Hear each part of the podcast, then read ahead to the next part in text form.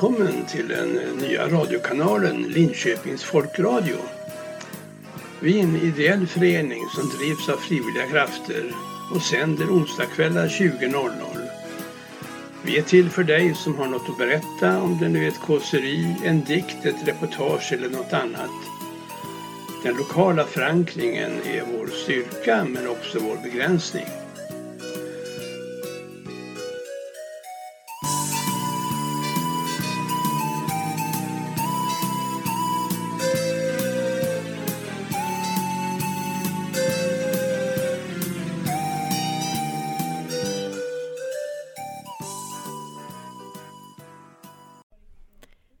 Hej, det här är Ami Falander i etern igen. Jag tänkte läsa en text som handlar om önskelistor. Ni vet den där gamla visan Önska, önska runt i ring, önska kostar ingenting. Jag tänkte på den. Vad vill du ha i julklapp min vän? Vad önskar du dig till din födelsedag? Ja, guld och juveler och högsta vinsten på Triss och snälla och lydiga barn och kärlek och omtanke och hälsa och skönhet och fred och icke-våld och sinnesfrid och en riktigt gredelin klänning. Nej, men allvarligt. Vi skriver våra önskelistor, stora som små. För mig tycks de som beställningslistor en handlarnota för givaren. Ja, men då får man ju vad man har önskat sig och alla är nöjda, säger du. Mottagaren är nöjd och givaren också eftersom hon slapp att fundera så mycket. Praktiskt. Jaha, men överraskningarnas plötsliga glädje då? Har givarens glädje blivit bortrationaliserad nu för tiden i vårt effektiva samhälle? Är det inte längre saligare att giva än att taga. Att giva kan vara en riktigt skön konst. En del är mästare, andra är glada amatörer. För en del är sannerligen överraskningen det viktiga. Min vän, hon hade inte den blekaste aning om att det skulle stå en livslevande get med röd rosett runt halsen utanför hennes dörr på 30-årsdagen. Hon hade sanningen att säga inte en aning om att hon någonsin skulle ha önskat sig en heller. Men Hildur fick stanna och man byggde en hage alldeles intill huset under björkarnas skugga. De som ordnar stora överraskningar för andra har i regel väldigt skoj själva. Det är som en lek, en teater som det är tänkt att huvudpersonen sent ska glömma ett annat slag av givare är den observanta, lyhörda sorten. Han som noterat att hon frusit om fingrarna på promenaden och skänkte henne ett par nya varma handskar. Eller väninnan som märkte att wienernougat väckte goda barndomsminnen till liv hos mig och skänkte mig en ask vid ett särskilt tillfälle. Eller dottern som såg mammans slitna glasögonfodral och broderade ett nytt till henne. Barnen som gav mig yoga-DVDn som öppnade en helt ny värld av precis just den träning jag behövde. De här givarna överraskar och skänker med glädje det som mottagaren knappt ens hunnit önska sig. Dessa medmänniskor är naturbegåvningar i givandets underbara konst. De ser dina behov, anar dina önskningar, noterar dina känslor och memorerar för att senare leverera. Resultatet brukar alltid bli lyckat. Bland alla gåvor människor emellan finns det också de som borde åtföljas av en förklarande text. Så här. Jag tänkte att du skulle klä i ärtgrönt, eh, som du ju aldrig bär. Det är en spännande färg Precis liksom du själv är en spännande person. Och jag tänkte att du inte skulle frysa i vinter igen så därför stickade jag dessa ärtgröna mamelucker till dig i finaste ull. Ja, det där kan ju bli så precis som med matten i skolan. Så rätt jag tänkt men resultatet blev nog lite fel ändå. Kanske är det ändå tanken som räknas, den var ju god och det bör nog mottagaren ägna en tanke åt. Slutligen finns kategorin som vi kan kalla de trogna gåvornas givare. Dessa gåvor är helt befriade från överraskningsmoment och återkommer troget med samma eller liknande innehåll varje år. De ger i regel en fördröjd entusiasm men har i gengäld lång hållbarhet. Givaren är en uthållig och kärleksfull människa och därtill målmedveten och noggrann. Denna person har rättvisans ledstjärna inristad i sitt hjärta. Skamset saknar man dessa regelbundet återkommande gåvor när givaren inte längre finns och gåvorna upphört att vara något att räkna med. Först då kanske man förstår vad de betydde, de där mjuka paketen i brunt omslagspapper innehållande sockor och vantar som mormor hade stickat till alla oss kusiner.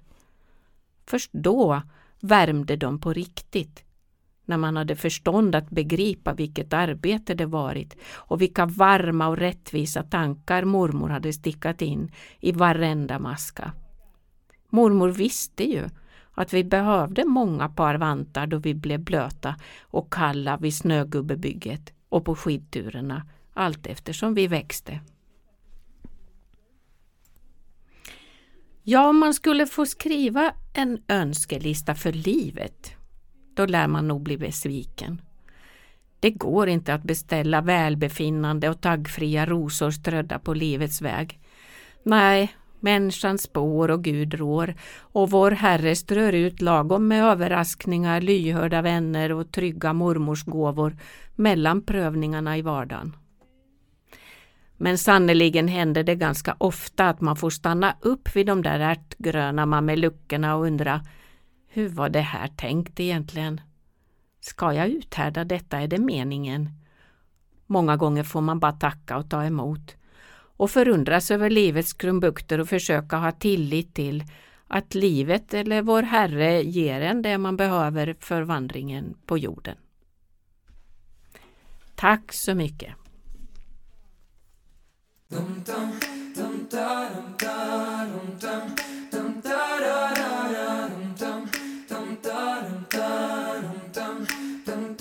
Jag önskar mig allt jag inte har Känslan försvann, men jag är kvar.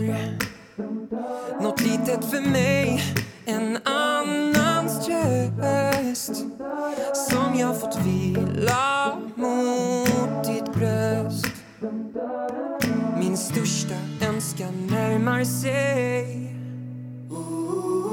När jag tänder det här ljuset för dig Det som vägleder mig.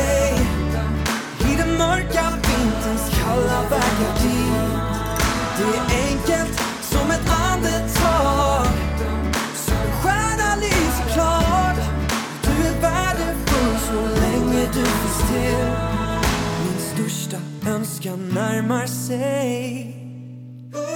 En tanke, en dröm jag haft som barn. Känslan försvann men du är kvar i tider av nöd. Ja, välkommen till en ny serie om att skriva sitt liv med mig, Robert Rungstad. Jag publicerar framöver en krönika regelbundet och tar upp skilda ämnen som manustvätt, goda rutiner och att börja skriva i skrivargrupp med mera. Den första krönikan handlar om hur man kommer loss och börjar skriva. Men först Le Lindfors, hur det kan kännas innan. Runt som ett hjul som aldrig stannar Som en resa utan slut som en vandring i en tunnel där du aldrig kommer ut. Som ett litet barn som springer i en ändlös labyrint. Som en liten boll som rullar ut för berget tyst och blint.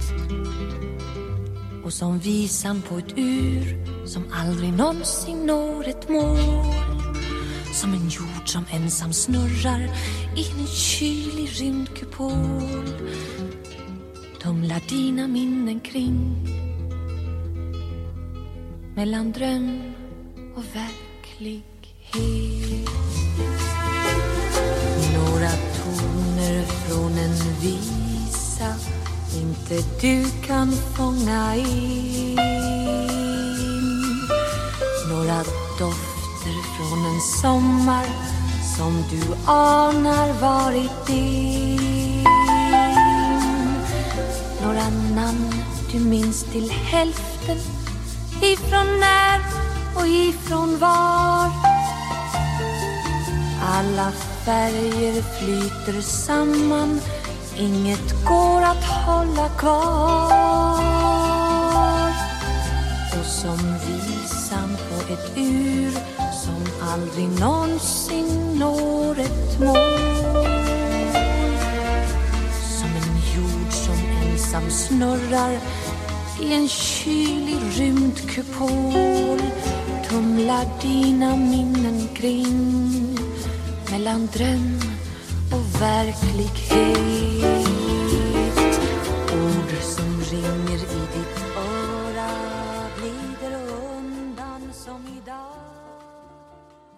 Ja, man kan tro att den som har skrivit en rad böcker har klart för sig hur man börjar. Men det är en vanföreställning. Varje gång jag försöker starta en ny roman känner jag mig som jag aldrig har skrivit någon tidigare, säger författaren P.C. Jersild. Han tycks inte vara ensam om den känslan. Kollegan P.O. Enquist skriver vad som helst för att komma igång.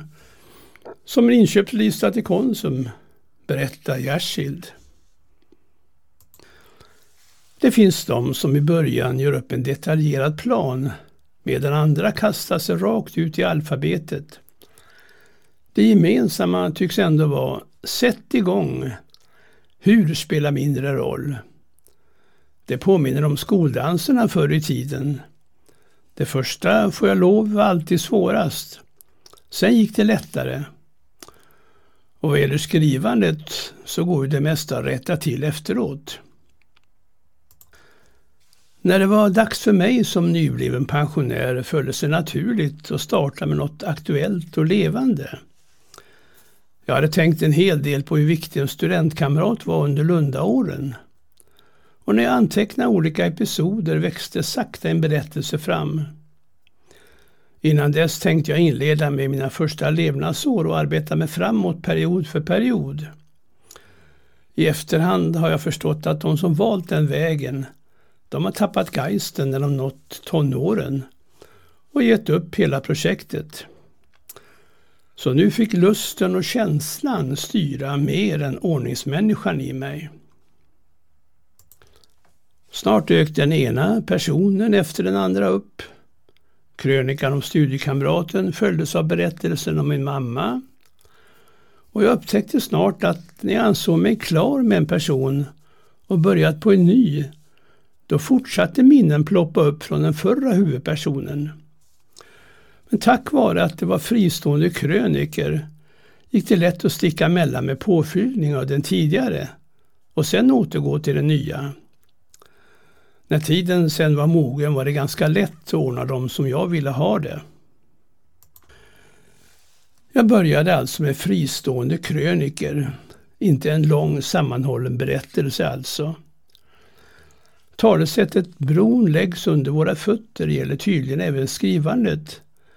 Och min metodik blev därför ta ett steg i sänder och se vad som händer. Och strax gav bokens tema sig själv. Den skulle handla om människor som varit viktiga för mig.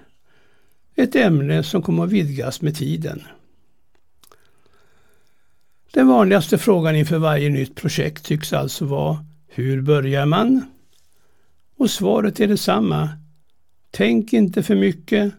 Sätt bara igång och ta något som lever i dig. Låt lusten och känslan styra. Allt annat går att ordna i efterhand. Tack för idag.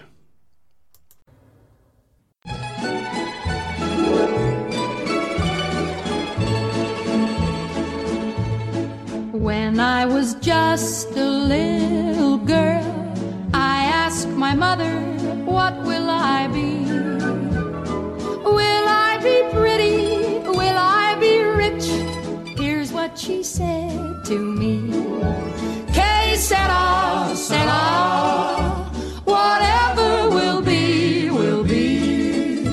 The future's not ours to see. Que sera, sera.